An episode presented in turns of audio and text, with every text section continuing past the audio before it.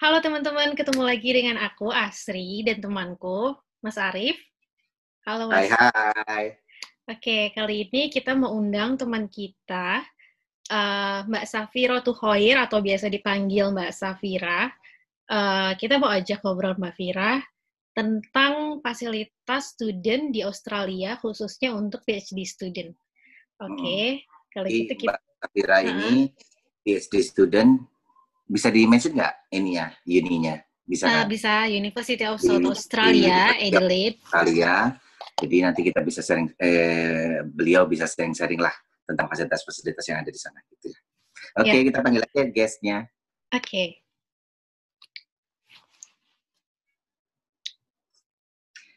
Halo.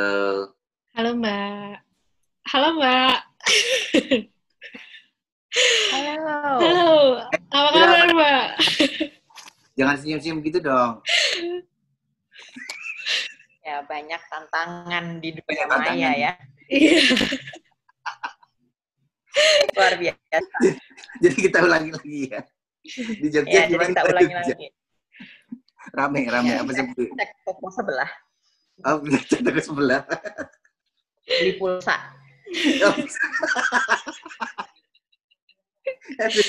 Jadi kita tadi udah sempat-sempat ngobrol-ngobrol sedikit-sedikit juga sama Mbak Vira ya Ci ya sebelum ini. Cuman ya nanti nggak enak lah kalau misalnya nggak bisa di-share kan. Sayang-sayang banget. Soalnya ini informasi yang benar-benar nanti pasti bermanfaat buat teman-teman kita terutama yang mau atau berniat untuk ngambil PhD khususnya di Australia gitu. Jadi ini Mbak Vira ini dulu uh, PhD student uh, di University of South Australia tapi sekarang uh, jadi dosen Mbak ya di UGM.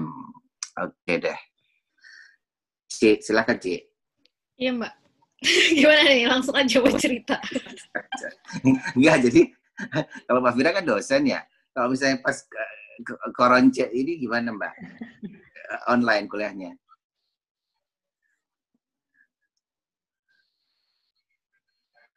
Um, iya, kalau sementara ini ya kita kuliahnya online semua gitu. Jadi um, kita semua diinstruksikan untuk uh, kasih kuliah online dengan uh, kebebasan untuk memilih platform gitu, mau live atau mau uh, recorded. Terus oh, gitu. uh, tapi tetap harus memperhatikan rambu-rambunya. Jadi misalnya kita mau live itu uh, kalau bisa jangan sampai yang dua jam kita ngomong terus gitu kan gitu. Kalau misalnya record juga jadi uh, uh, akhirnya di, memberikan kesempatan mahasiswa untuk explore lebih uh, lanjut gitu. Jadi kita hanya membuka gerbang saja, memberikan poin-poin-poin, kemudian mereka akan explore sendiri, jadi gitu. Jadi bisa bayangkan kalau misalnya kita ngerekod uh, kuliah itu satu jam atau dua jam kayak di kelas gitu, baru satu menit ya. mahasiswanya sudah tidur gitu. Jadi uh, itu uh, dihindari Enggak, gitu. Kalau dosennya begitu katanya. Iya ya, betul. Misalnya, uh, misalnya muridnya kalian berdua, waduh berat ini. Mbak. Mbak, Mbak tapi Mbak, kira gimana Mbak? Efektivitasnya sama aja apa apa pasti berkurang apa gimana tuh? Apa nggak nggak jauh beda apa gimana? Iya, kalau itu sih memang uh, jelas ya, tidak ada yang bisa menggantikan face to face interaction itu jelas sekali gitu.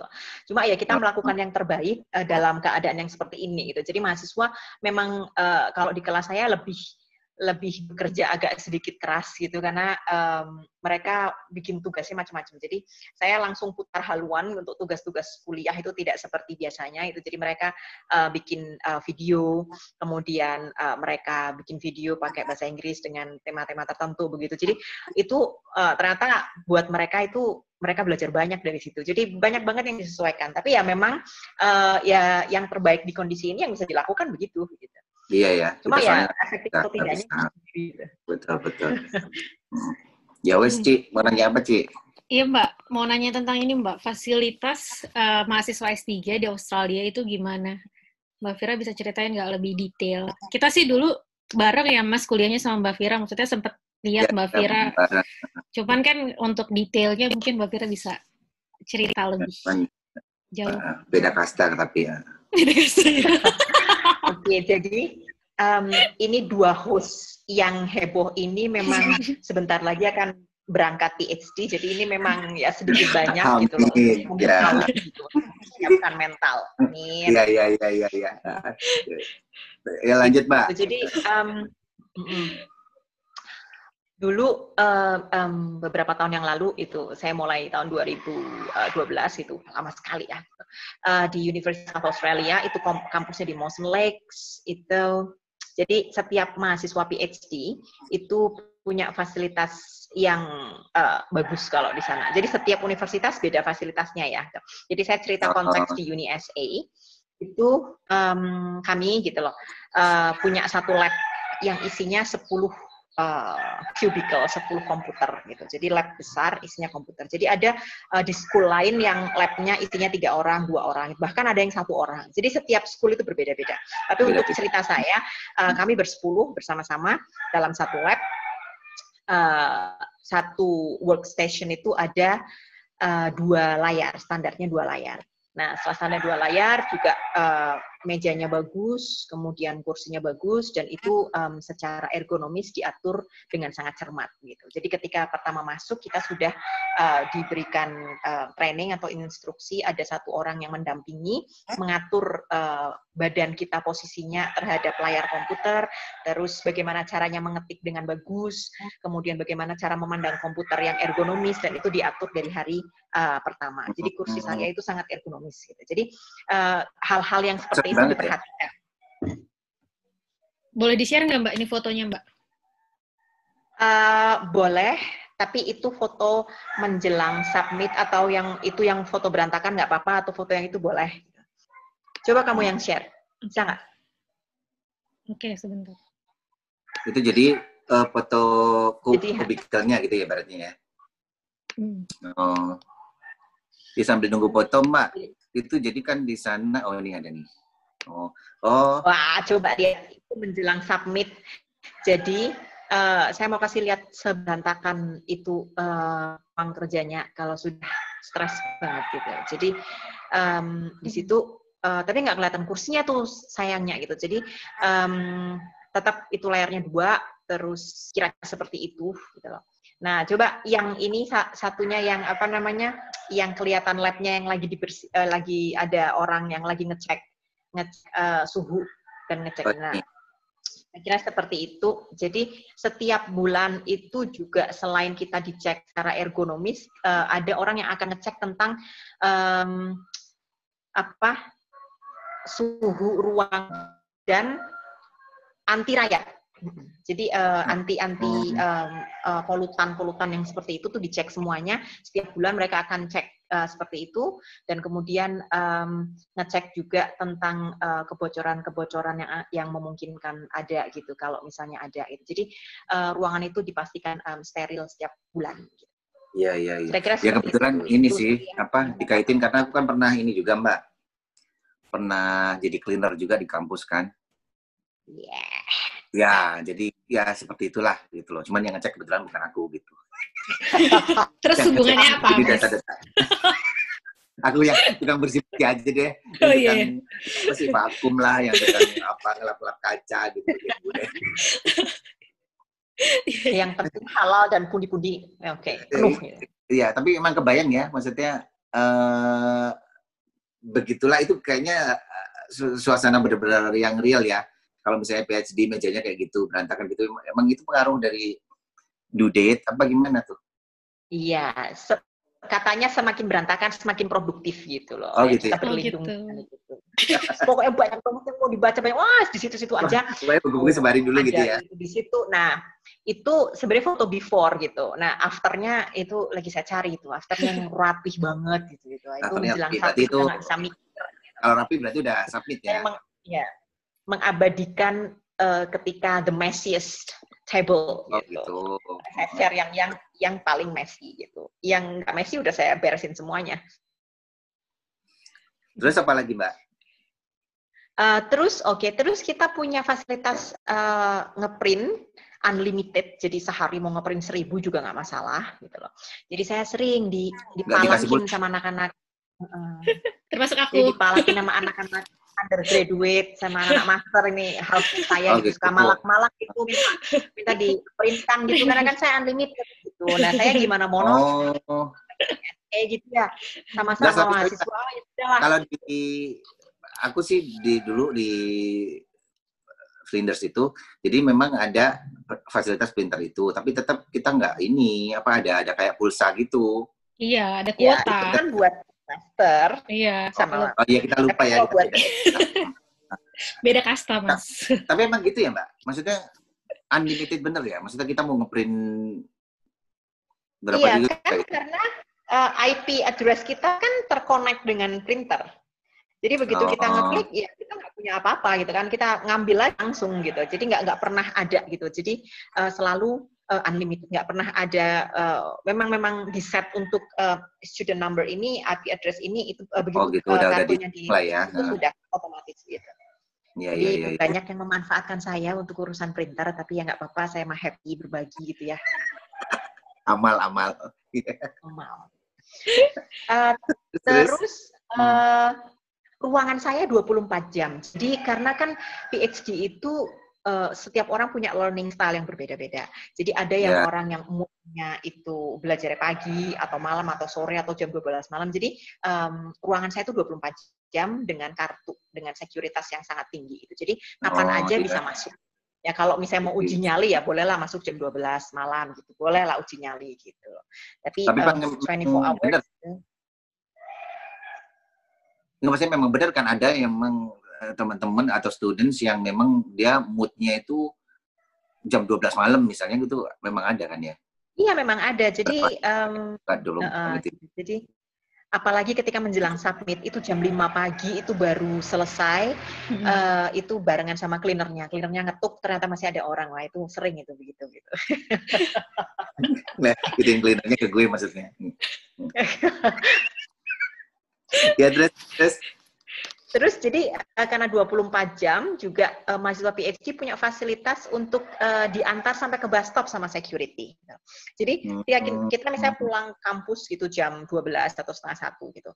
Nah itu kita em, diharapkan itu kan eh, apa ya kita harus merasa secure aman ketika ketika ketika kita mau jalan kaki ke bus stop kalau kita nggak punya kendaraan sendiri. Jadi kita bisa menelpon security untuk minta diantar sampai kita dapat bus. Gitu. Nah, oh, Kalau di Adelaide dulu kan ada ada ada jadwal bus yang tepat dan ada um, real time arrival-nya. Jadi kita bisa Ya. cek dua itu, jadwalnya jam berapa, real time arrival-nya jam berapa, dan kemudian kita bisa perkirakan. Gitu.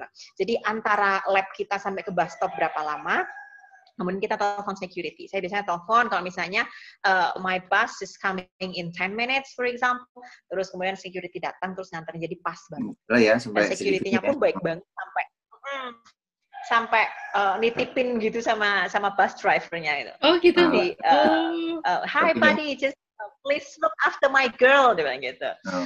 Jadi Nah, Bang, terus kan saya dijemput sama sama ini. make sure ya, make sure kalau student-studentnya Uh, safe sampai di kita rumah gitu ya. Terus kita kan di, dijemput sama mobil bagi car itu yang mobil kecil listrik. itu. Oh, Terus nanti heeh. sepanjang perjalanan itu biasa tanya lah, "Eh, what are you doing? Why you like stay on campus this late? Gitu. Do, do they pay you a lot or what? Your salary is very high atau gimana? Jadi mereka ngapain sih kamu anak kecil Iya. perempuan Bisa heboh sekali gitu sampai ya. jam 12 12 malam misalnya gitu. Emang Hmm. kamu digaji gede banget ya? Aduh. Jadi saya guyonin lagi Tapi, akhirnya. tapi di sana juga untungnya kita ya memang sampai jam 12 transportnya juga memang 24 hours ada juga ya. Karena dia menyesuaikan kan. Eh, kalau di Motion Lex itu enggak sih, itu sampai jam 12, eh sampai jam 1, sampai jam 1 pagi. Iya iya iya. itu iya. enggak pagi. Saya terakhir-terakhir tahun terakhir itu pulangnya selalu jam setengah 12, jam 12 gitu. Jadi em, saya tahu banget itu jam-jam berapa gitu. Aduh, Oh, gitu loh. Ngeri aduh. banget ini. Iya. Wow. Gimana sih Masih- ingat nggak ke PSD? Minat lah. Iya iya iya.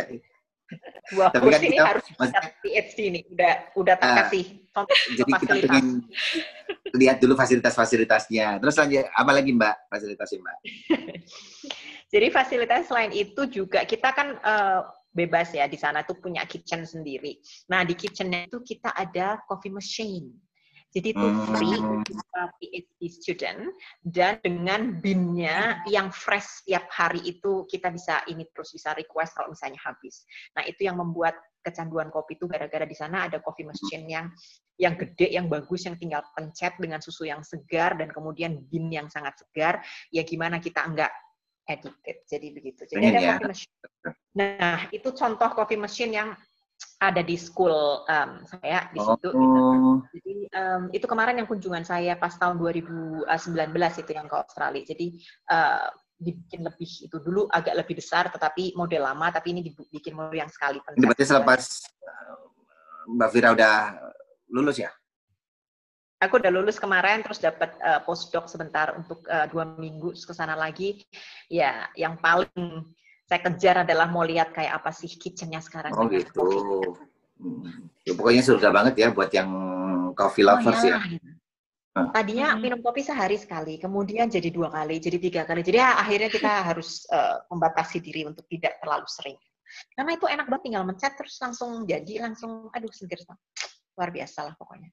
Pengen ke sana Jadi- deh. Fasilitas, eh, beberapa fasilitas fisik.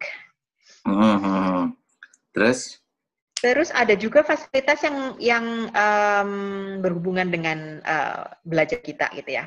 Jadi eh, supervisor itu available eh, terus. Jadi kita berhak banget untuk ngejar supervisor dan supervisor harus kasih kita fasilitas, kasih kita waktu gitu. Eh, setiap em, mahasiswa PhD dan supervisornya itu beda-beda cara kerjanya itu. Kalau saya dulu pas tahun-tahun pertama seminggu sekali harus ketemu apa pun yang terjadi gitu. Jadi setiap hari Jumat jam 10. Jadi setiap malam Jumat itu saya nggak bisa tidur karena besok saya nggak ngerti mesti ngomong apa misalnya gitu. Oh Jadi gitu ya. setiap Tapi itu wajib. satu, iya enggak itu di set sendiri gitu, Oh, di, di oh, set iya, sendiri iya. tergantung Eh, setelah satu eh, setelah enam bulan setelah saya research proposal selesai baru agak lebih fleksibel gitu. Jadi tergantung ada yang ketemu kalau butuh aja gitu atau minta ketemunya sebulan sekali tapi kalau saya seminggu sekali apa pun kamu tidak dapat apa pun tidak ada progres yang penting ketemu gimana saya nggak sakit perut setiap malam Jumat gitu ya Berarti itu komit komit antara waktu itu 2014 mau berangkat ke Berlin eh, untuk conference ke Eropa. Jadi tiketnya saya minta kampus, kemudian yang lain saya minta eh, untuk biaya conference atau dan lain-lainnya itu saya minta ke Australia Awards. Jadi ada dua support begitu. Oh gitu. Ini Oh. Jadi dari kampus aja dari Kumulatif. Misalnya tahun ini kita nggak pakai ini, jadi nggak usah dipaksakan diri harus habis. Jadi Hmm. Jadi kita juga benar-benar yang uh, strateginya harus bagus. Kita punya berapa ribu, terus kita mau target apa gitu. Saya punya 4 ribu nih masih nganggur. Jadi saya mau cari conference yang gitu, yang bisa di uh, cover sama kampus, uh, yang jauh misalnya kalau cuma conference-nya Malaysia sama Singapura masih saya tanggung lah. Gitu. Cuma kalau conference-nya uh, yang jauh gitu, baru saya coba pakai dana itu. Nah mereka pun mau melepas dana itu kalau conference-nya betul-betul yang bagus. Jadi memang Oh, tricky banget. Jadi Gitu. Mereka nggak akan juga ya. aja. Hmm. Nggak, terus sayang ya kalau misalnya nggak dipakai gitu ya. ya sayang banget lah. Ya. Apalah buat beli buku, beli apa, pokoknya pakai itu harus habis gitu. gitu. Kalau setahuku sih yang kalau misalnya di postgrad juga ada yang kayak gitu. Cuman dia khusus untuk yang master of master research. Research. Oh, Iya, master kalau master. Tapi ya jumlahnya nggak segitu sih. Paling berapa gitu, 500 atau berapa kalau nggak salah ya. Oh. Kalau master by coursework kan enggak. Jadi master by Enggak. research itu memang memang betul-betul yang uh, supportnya hampir mirip dengan PhD itu. Pusingnya Hmm. juga mirip. Udah master pakai by research lagi ada master tuh coursework aja gitu. Iya. Enggak, enggak pusing. Masih bisa tertawa seperti dua host yang satu yang dua ini luar biasa. ya, masih Itu bisa karena jalan masternya by coursework. Coba masternya by research, oh my god. gitu ya. Lebih lebih sibuk dari Mbak Vira. Lebih nyebor. Iya. Terus apa meneh Mbak? Terus eh, eh, kita punya eh, kayak misalnya eh, discussion club gitu setiap setiap Jumat gitu, kumpulan dari berbagai macam PhD, sama-sama PhD cuma berbagai macam bidang. Setiap Jumat Iya. kita kumpul, kita ngobrol apa, jadi kita bisa ngerti mereka tuh sebenarnya lagi stage-nya apa. Jadi kita bisa ngerti mereka juga pusing, nggak cuma kita doang yang yang sepertinya paling merana sedunia gitu tuh. Jadi ini banget gitu, kita saling tahu, kita saling support gitu. Dan eh, ya begitu kira-kira sih ininya gitu loh. Cuma yang intinya sih bahwa PhD itu benar-benar independen gitu loh. Kita nggak bisa nggak bisa langsung ngomong bahwa aduh aku nggak bisa topik ini itu nggak Iya, bisa iya. gitu semuanya mengerjakan topik yang baru gitu jadi ya begitu gitu Iya. Nanti mungkin kita ini kali ya, ada slot tersendiri kali ya, Ci. Maksudnya Apa? tips and tricks buat PhD students itu kayak gimana. Kita sekarang ya kenal dulu. Di, di, di line sesi itu nanti Iya, kita panjang itu Kalau sekarang Iya, kan iya. ini kita di ibaratnya tuh kayak diiming-imingin dulu gitu loh. Oh loh, kalau PhD students itu fasilitasnya ini, ini, ini gitu. Dan kalau misalnya, ya kayak kalau calon-calon student itu kalau misalnya lihat fasilitas-fasilitas PhD kayak gitu kan pasti, waduh gila ya. Maksudnya eh, sangat suportif banget kan. Maksudnya dia sampai hal-hal kecil yang kayak psikologi gitu kan diperhatiin juga kan di sana gitu loh. Mm-mm. Jadi eh, apa aja dicegat, yang penting lulus. Jadi eh, kita nggak punya alasan apa pun.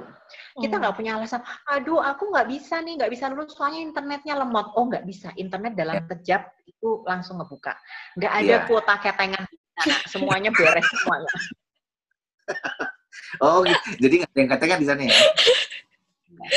Jadi eh, dicegat semuanya gitu. Saya eh, nggak bisa nih internetnya lemot banget. Oh nggak, langsung internetnya cepet. Oh eh, kampusnya tutup sih jam 4. Saya kan bisanya kerja malam. Oh enggak, 24 hours. Tapi aku merasa nggak aman. Oh ada security. Jadi Betul, betul. tapi aku bahasa Inggrisnya belum bagus. Oh, ada learning and teaching yang akan meng- eh, yang akan mendukung. Jadi apa pun alasan kita itu selalu mereka jawab gitu. Jadi Betul, kita nggak. Misalnya nggak ada nggak ada respon dan segala macam itu nanti kita punya uh, strategi khusus dikasih gitu misalnya memang supervisornya nggak bisa kerja banget gitu atau for some reasons itu nggak cocok dengan kita kita berhak ganti supervisor Wow. dan kita juga dikasih fasilitas untuk uh, pergi ke ini ke counseling services jadi Hmm. stres Oh, itu itu sudah bagus, bagian dari mahasiswa. jadi ada counseling services yang oh aku jengkel banget sama supervisorku bla bla dan segala macam. Kita bisa ngomong dan dan curhat dan itu konfidensial nanti kita dikasih tips dan segala macam gitu. Jadi Stres apa uh, pusing gitu ya. pusingnya itu ada ya. Aku pusing nih nggak bisa mikir oh ada counseling services yang akan membantumu. Jadi dan itu konfidensial banget. Jadi Oh, apa pun alasan kita itu mereka akan jawab. Di- jadi kita nggak bisa aduh nggak punya Terus saya memang harus lulus karena semuanya semuanya difasilitasi. Betul. Wow. Jadi kalau misalnya itu ya ibaratnya kebangetan gitu ya. Kalau misalnya masih ya wes Eh, kira-kira cukup sih. Iya, lumayan. Cukup Ntar mungkin kayaknya. kita session buka sesi tersendiri nanti untuk apa sih eh, tips-tips, triks dan pengalaman-pengalaman Mbak Vira eh, selama PhD students di sana ya. Mm-mm. Oke, ya Oke. sebenarnya ini tips-tips dan ininya itu khusus untuk ini apa untuk eh, membuat dua host ini jadi pengen gitu loh. Jadi nggak apa-apa gitu loh. Saya happy sekali. Pokoknya saya dua host ini berangkat ini. Oke oke oke oke. Mudah-mudahan. Amin, amin. Amin. Ya, Ci. Heeh. Iya, oke. Kalau gitu. Mbak Vira, makasih banyak waktunya. Oke, thank you. Udah nggak Thank keputus you. kok. Iya, ketemu lagi. Ntar session session berikutnya ya kita ya, undang lagi Iya. ya. Ya. oke. Mas Arif, thank you juga. Makasih semuanya. Yeah. Kita sudahi dulu sesi berikut ini. Dadah, Oke. bye. Bye.